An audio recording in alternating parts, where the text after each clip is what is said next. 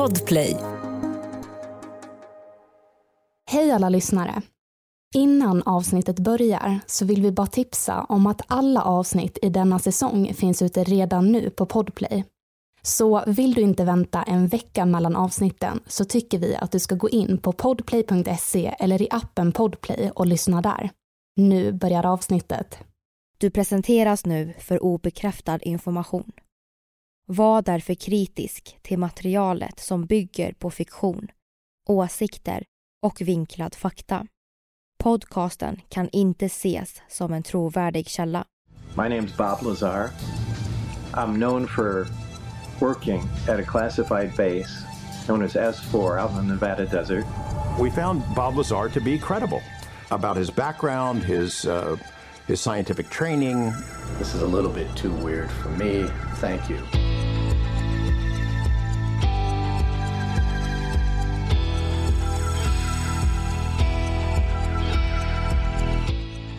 Det här är podden för dig som är intresserad av en annan version av verkligheten.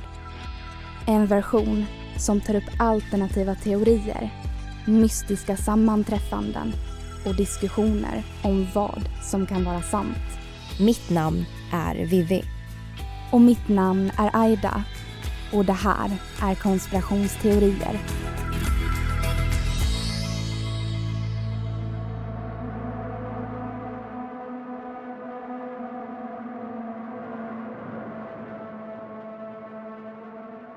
Historien om USAs topphemliga spaningsflygplan har sin början under mitten av 1900-talet, under kalla krigets mörkaste dagar. До взрыва осталось три секунды. Две секунды. Одна секунда. Взрыв. I augusti 1953 avfyrade Sovjetunionen sin första vätebomb. Ryska spioner hade lyckats få fram hur den amerikanska vätebomben utvecklats. USAs nätverk av spioner hos fienden medförde enorma risker. Flera av deras flygplan sköts ner. Ett misslyckande och skräckslaget uppvaknande för USA som häpet inte lyckats fånga någon indikation på vad som försiggick i Sovjet.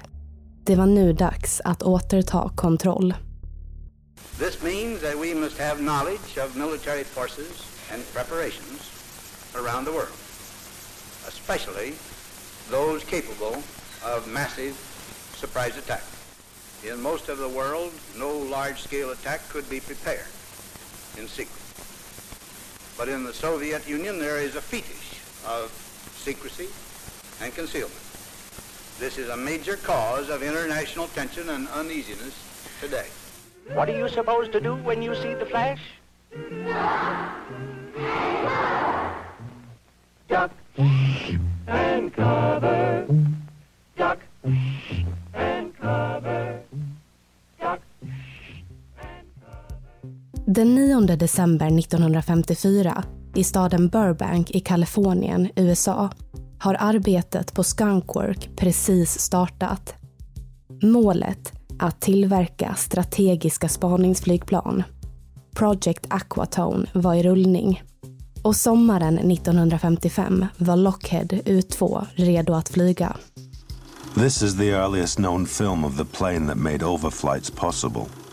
The Lockheed U-2, a bizarre hybrid of jet and glider, able to fly up to 70,000 feet for more than 3,000 miles. That high up, in theory, the planes were safe from both jet fighters and ground-fired missiles, leaving them free to do their job, photographing systematically every inch of the Soviet Union. Det fanns ett problem. Det behövdes en testanläggning. En diskret plats som ingen skulle hitta för att analysera, utveckla och provflyga experimentella flygplan och vapensystem. En uttorkad sjöbotten omkring 13 mil norr om Las Vegas valdes ut, Groom Lake. Well, we needed a good place to land that we could land any direction depending on where the wind came from, and the round lake served that purpose. it was also protected with the mountain range around it, so it wasn't very visible. Till en början bestod ranchen bara av några få verkstäder, husvagnar och härbergen. Tillräckligt för ett litet team. Några månader senare hade anläggningen utvecklats till en mindre bas med tre hangarer, ett kontrolltorn och en lång asfalterad landningsbana. I juli 1955 anlände CIA, flygvapnet, tekniker och såklart spaningsplanen. Det hemliga området kallades Groom Lake, Paradise Ranch eller Dreamland. Omgivet av strikta militära avspärrningar. Kameror, rörelsesensorer och beväpnade vakter. De enda som kände till namnet på den hemliga basen var folk som arbetade där. Plus möjligtvis några människor bosatta i Nevadas avlägsna byar. Idag är denna plats USAs mest kända hemliga bas relativt känd, men mer känd under ett annat namn. Ja, ni gissade rätt. Area 51. Är det bara en hemlig flygbas? Eller är det just det som är själva täckmanteln? Det ska vi prata om idag när vi ska diskutera en konspirationsteori om Area 51, Bob Lazar och Area S4.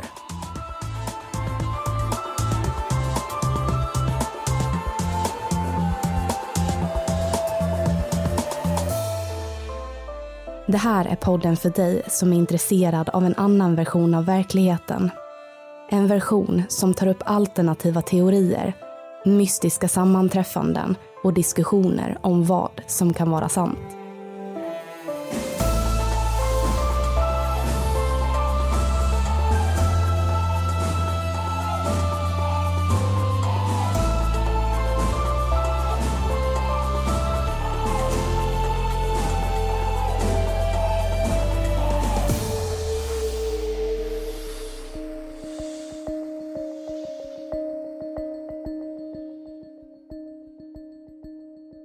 Den amerikanska ufo-strategin började formas under efterkrigstiden. USAs och Sovjets kärnvapenrustning kom till slut till ände. Men allmänhetens skräckslagna och nyfikna blickar var nu riktade uppåt. And our eagerness to share its meaning is not governed by the efforts of others. We go into space because whatever mankind must undertake, free men must fully share. Det fanns egentligen bara en sak som var viktig. Hinna före Sovjet till månen. Och under 60 och 70-talet kokade hela landet över av hysteri, panik och ufo-paranoia. Konstiga ljus i natthimlen var vardagsmat. I och med det rådande rymdintresset drogs tankarna direkt mot en enda sak. Utomjordingar. Här har ni en stor anledning. Good afternoon. A photo has surfaced that a lot of people are claiming is proof that the Roswell UFO incident was real. Sommaren 1947 hittade bonden Brassell ett metallföremål mitt i öknen. En kraschad farkost. Han visste inte vad han skulle göra. Han kunde ju inte bara lämna det där. Några dagar senare bestämde han sig för att ta föremålet till polisen och precis som Brassell hade de aldrig sett någonting liknande förut. Flygvapnet i Texas kopplades in. Till en början verkade militären faktiskt bekräfta uppgifterna. Där för att ta emot och undersöka föremålet fanns armémajor Jesse Marcel som snabbt kunde konstatera att metallprylen inte var tillverkad av mänskliga händer. Men lika snabbt förnekades uppgifterna igen det var ingenting annat än en kraschad väderballong eller möjligtvis ett flygplan.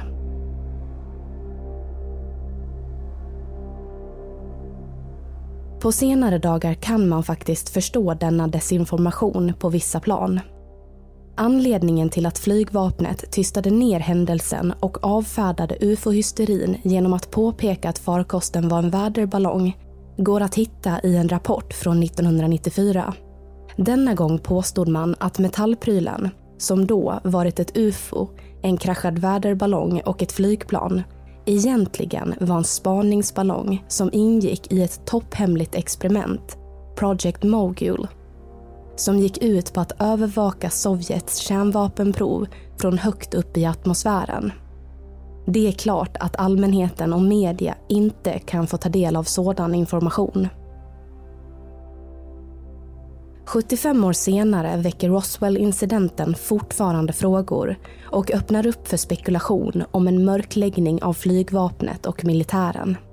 Inte bara en mörkläggning om topphemlig spaningsutrustning och det spionage som försiggick, utan om det vi från första början var inne på, utomjordingar. Det som gör det här så oerhört intressant och viktigt i dagens avsnitt är att Jesse Marcel under 80-talet fortsatt påstod att de riktiga ufo-delarna från den kraschade farkosten byttes ut mot delar från en väderballong. Ett poddtips från Podplay.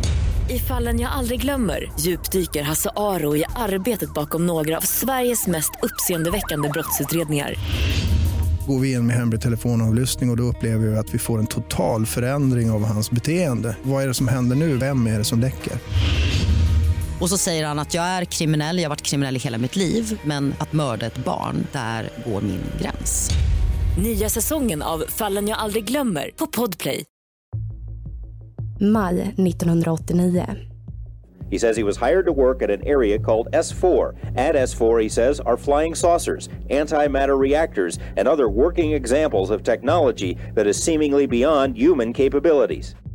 George Knapp, en tv-reporter, intervjuar en man under alias Dennis som påstås ha arbetat på Area S4, en närliggande bas till Area 51. Mannens ansikte är mörkt Dennis vill eller kan inte gå ut med sitt utseende eller riktiga namn. Det är för farligt. When I was let in, it was the first time I saw the sport model in the hangar sitting down. I was told they could have walked me in the front door, but they purposely wanted to walk me by it. I was told not to say anything and just keep my eyes forward and, and walk past the disc into the office area. And I did, and uh, as we went by it, I just kind of stuck my hands on it just to run it alongside the thing. And uh, you know, I, that, that was about the smallest time. After that, I got to see it uh, actually lift off the ground and operate.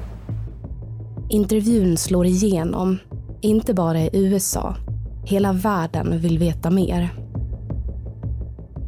Åtta månader senare, i november 1989, kommer äntligen en uppföljande intervju. Mannen är nu redo att avslöja sitt riktiga namn ett smart val nu i efterhand. Det kan nämligen ha räddat hans liv. Han heter Bob Lazar. Hans bakgrundshistoria är intressant. Bob Lazar skickade sitt CV till olika nationella labb i USA varpå ett svarade. Intervjun var ganska märklig de var mer intresserade av Lazars fritidsintressen än vad han faktiskt åstadkommit i arbetslivet. Efter ett tag fick han svar och fick komma in på ytterligare en intervju. Fascinerat fick han ta del av dussintals rapporter. En forskares dröm. Till en början trodde han att arbetsuppgiften var att studera flygplan. På ett sätt hade han rätt. På ett annat sätt ganska fel. Arbetet gick ut på att studera utomjordiska farkoster, lära sig om tekniken och hitta ett sätt att anpassa den för människan. När han upptäckte att sitt födelsecertifikat var försvunnet insåg han att något inte stod rätt till. Well, they're trying to make me a non-person. Explain. You called where? Well, the schools that I went to, the hospital that I was born at, uh, past job, and uh, essentially nothing comes up with my name in it. Men berättade han sanning? Sedan intervjun med Lazar har reportern George Knapp och flera andra arbetat med att verifiera Lazars bakgrund. Det skulle visa sig vara mycket svårt. Det var inte bara som om Bob Lazar hade ljugit ihop hela historien. Det var som att han inte ens fanns. My personal thoughts the pre-test interview of three and a half hours, the test itself, the post-test interview showed absolutely nothing to detour my thought that Bob Lazar was truthful. Efter lögndetektortestet hände något rätt märkligt. Terry Tavernetti, experten som utförde testet, fick ett samtal från sitt jobb. The corporate offices where I'm employed received a telephone call from a government agency wanting to know why I was getting involved in something that uh, I shouldn't be. And I asked, well, what agency? What was said? Did they identify themselves? Två månader senare blev hans utrustning stulen efter ett inbrott i hans hem. And these are the charts. Huh? These are the charts. Those are the actual charts, yeah. Did somebody try to steal these from you? Was there a break-in? Somebody tried to come and get them from you? You know, right off the bat, I want to say yes. Checking out Lazar's credentials proved to be a difficult task. He says he earned degrees in physics and electronics, but the schools we contacted say they've never heard of him. He also said he worked as a physicist at Los Alamos National Labs. Los Alamos officials told us they had no records of a Robert Lazar ever working there. EG&G, which is where Lazar says he was interviewed for the job at S4, also has no records. It's as if someone has made him disappear. Än idag är Bob Lazar en stor gåta. Vissa, eller rätt många, av hans påståenden har ifrågasatts. Till en början hittades inte några bevis för att han arbetat som fysiker på Los Alamos nationallaboratorium.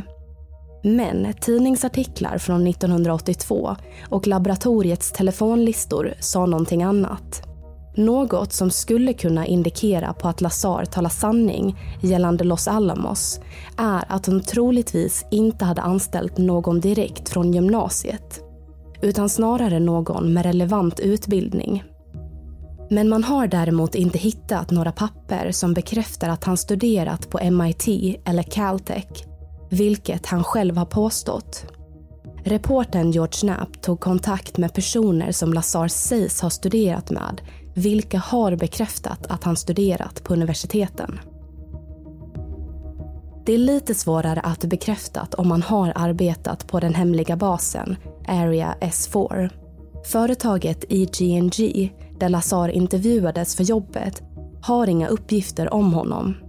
Däremot har George Knapp hittat papper som bevisar att Lazar fått lön från Department of Naval Intelligence som driver den hemliga basen. Om det räcker som bevis eller inte är inte vi rätt personer att avgöra. The job I had, the involvement with the, you know, the government cover-up, that sort of thing, the story isn't altered. Något som i mångas ögon faktiskt tyder på att Lazar pratar sanning berättas om i filmen Bob Lazar, Area 51 and Flying Saucers. Efter intervjun 1989 snappade media upp att Lazar var inblandad i en prostitutionshärva. Han arresterades 1990 för grovt häleri. När Lazar berättade om sin bakgrund med utbildning, tidigare arbeten och jobbet på S4 höll han sig till samma historia. Under den processen stötte rättsväsendet på samma problem som reportern George Knapp. Det fanns inga bevis för någonting. Rätten trodde att han ljög och rekommenderade ett fängelsestraff. Vilket slutligen resulterade i 150 timmars samhällstjänst istället. Men om han verkligen ville lura alla om S4 och utomjordingar hade han verkligen riskerat allt. De som kände honom innan han blev känd, hans familj och vänner har alla sagt samma sak. Han talade sanning. I am telling the truth. I, I've, I've tried to prove that. Uh, what's going on up there could be the most important event in history. You're talking about contact, physical, physical contact, and proof of, from another another system, another planet, another intelligence. That's got to be the biggest event in history. Ett poddtips från Podplay. I fallen jag aldrig glömmer djupdyker Hasse Aro i arbetet bakom några av Sveriges mest uppseendeväckande brottsutredningar. Går vi in med hemlig telefonavlyssning och, och då upplever vi att vi får en total förändring av hans beteende. Vad är det som händer nu? Vem är det som läcker? Och så säger han att jag är kriminell, jag har varit kriminell i hela mitt liv men att mörda ett barn, där går min gräns. Nya säsongen av Fallen jag aldrig glömmer på Podplay. Det var aldrig på just Area 51 som Bob Lazar arbetat. Däremot var det just denna plats som hamnade på folkets läppar. Allt sedan intervjun har bussar fyllda med ufo-entusiaster strömmat in i Nevadas öknen.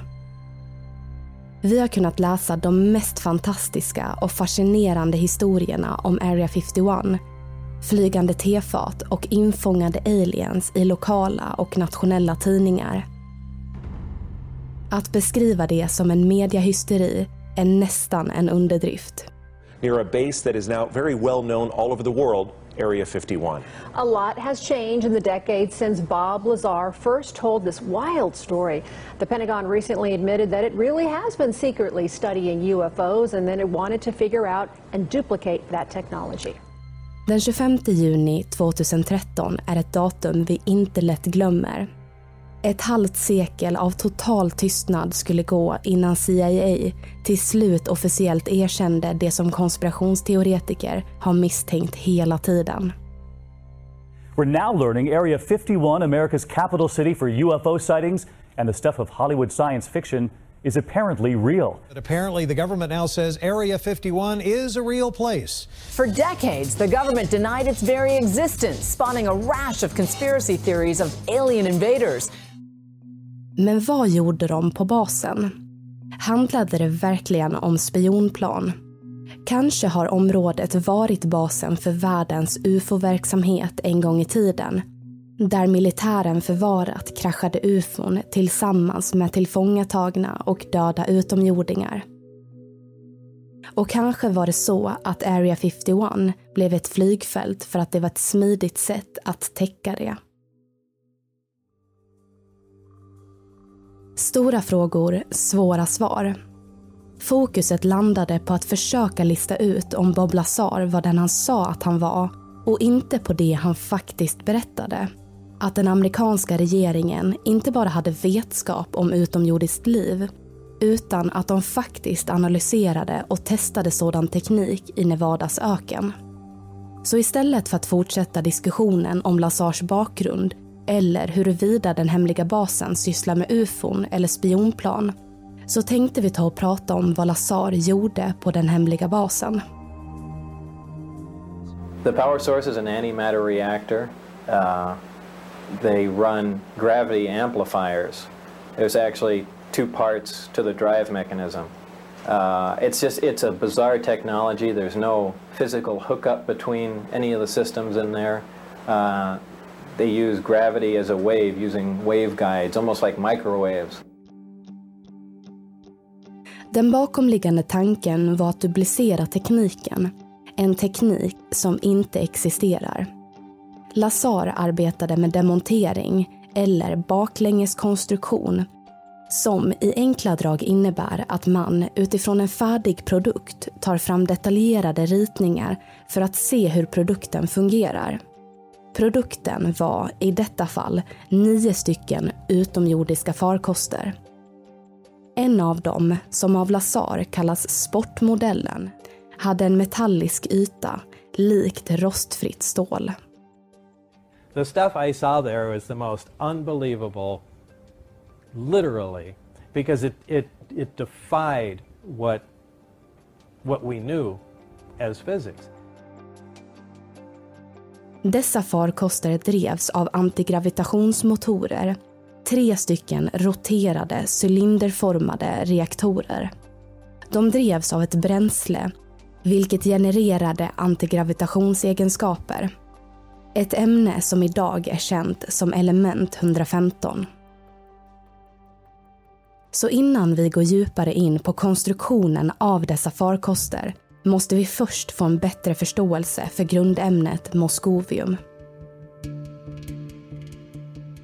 Moskovium, element 115, är ett supertungt syntetiskt grundämne som sedan november 2016 har varit en del av det periodiska systemet.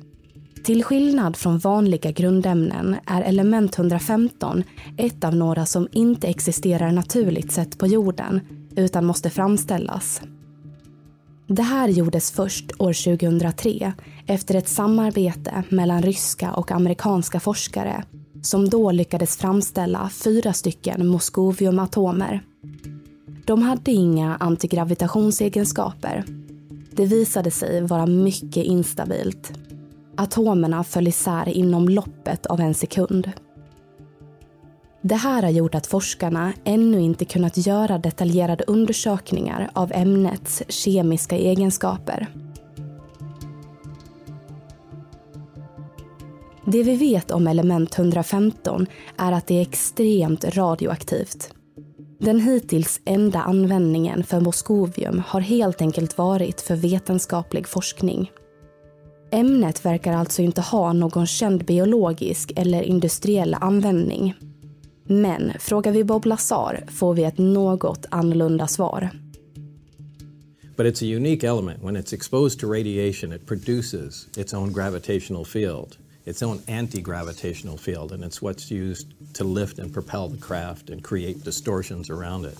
It's, a, it's an amazing material, and it's certainly nothing that occurs here or naturally. Men låt oss bara stanna upp här. Trots att Lazar förespråkat grundämnets existens sedan 1989 var det inte förrän många, många år senare som element 115 lyckades framställas. Bara det tycker vi är mycket märkligt. Hur kunde Lazar veta om element 115 om han inte hade arbetat med det? Lazar hade också en förklaring på varför de amerikanska och ryska forskarna inte sett att ämnet hade några antigravitationsegenskaper. Deras version av element 115 vägde ungefär 10% mindre än den han hade arbetat med. Så bara med hjälp av 10% mer massa så skulle det konstgjorda elementet få samma egenskaper som det han hade studerat på den hemliga basen. Så om vi går tillbaka till farkosterna på S4. Bränslet som de drevs av bestod alltså delvis av element 115 som enligt Lazar kan generera en gravitationsvåg som gjorde att ufon kunde flyga. Bränslet kunde på så sätt vika rumtiden och förkorta restiden genom rymden. Enligt Lazar kan moskovium enbart bildas i en supernova där omständigheterna tillåter grundämnen med så höga atomnummer att hålla samman.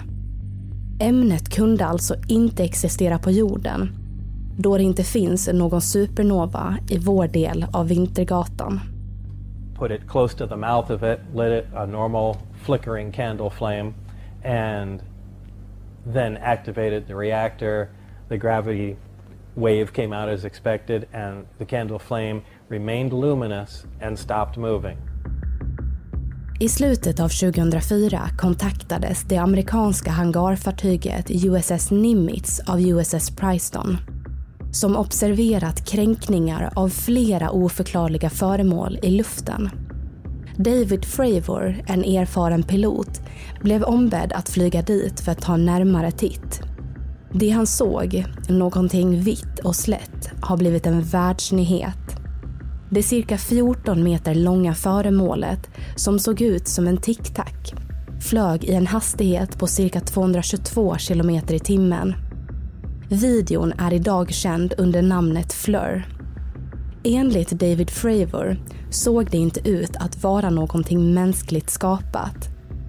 Och efter Pentagons ufo-rapport som kom i juni 2021 så vet vi att USAs försvarshögkvarter inte heller är så säkra på vad detta är. I alla fall inte vad vi vet. När Bob Lazar fick se Pentagons ufo-videos så påminde det honom om arbetet på basen. There's no question in my mind. I, I mean, I'm virtually certain that's the way the craft operated and that uses close to or the exact same propulsion system. Likväl då, som nu, vill människor tro att det finns någonting mer i rymden än bara stjärnor och planeter. Även fast vi kanske aldrig kommer få veta svaret på det, kanske någon annan vet. Kanske någon på en hemlig bas, någonstans i världen. En sak vi kan säga utan tvekan är att det är någonting som pågår på Area 51 och Area S4. Även fast vi aldrig kanske får veta exakt vad det är. Duck and cover. Duck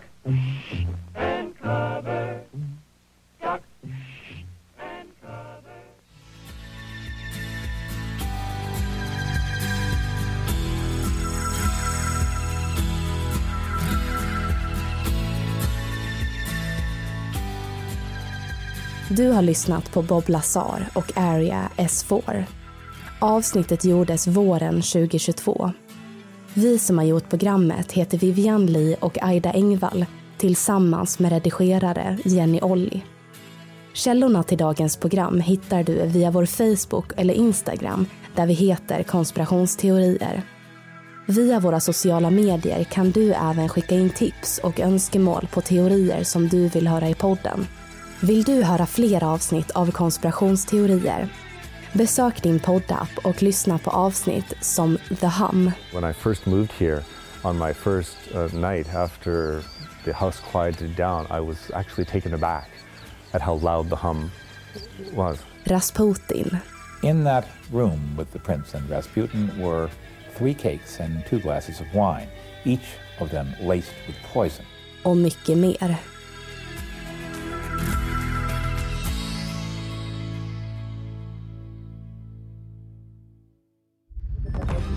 Podplay, en del av Power Media. Ett poddtips från Podplay. I podden Något Kaiko garanterar östgötarna Brutti och jag, Davva, dig en stor dos skratt. Där följer jag pladask för köttätandet igen. Man är lite som en jävla vampyr. Man har fått lite blodsmak och då måste man ha mer. Udda spaningar, fängslande anekdoter och en och annan arg rant. Jag måste ha mitt kaffe på morgonen för annars är jag ingen trevlig människa. Då är du ingen trevlig människa, punkt. Något Kaiko, hör du på Podplay. Därför arkadeinerna.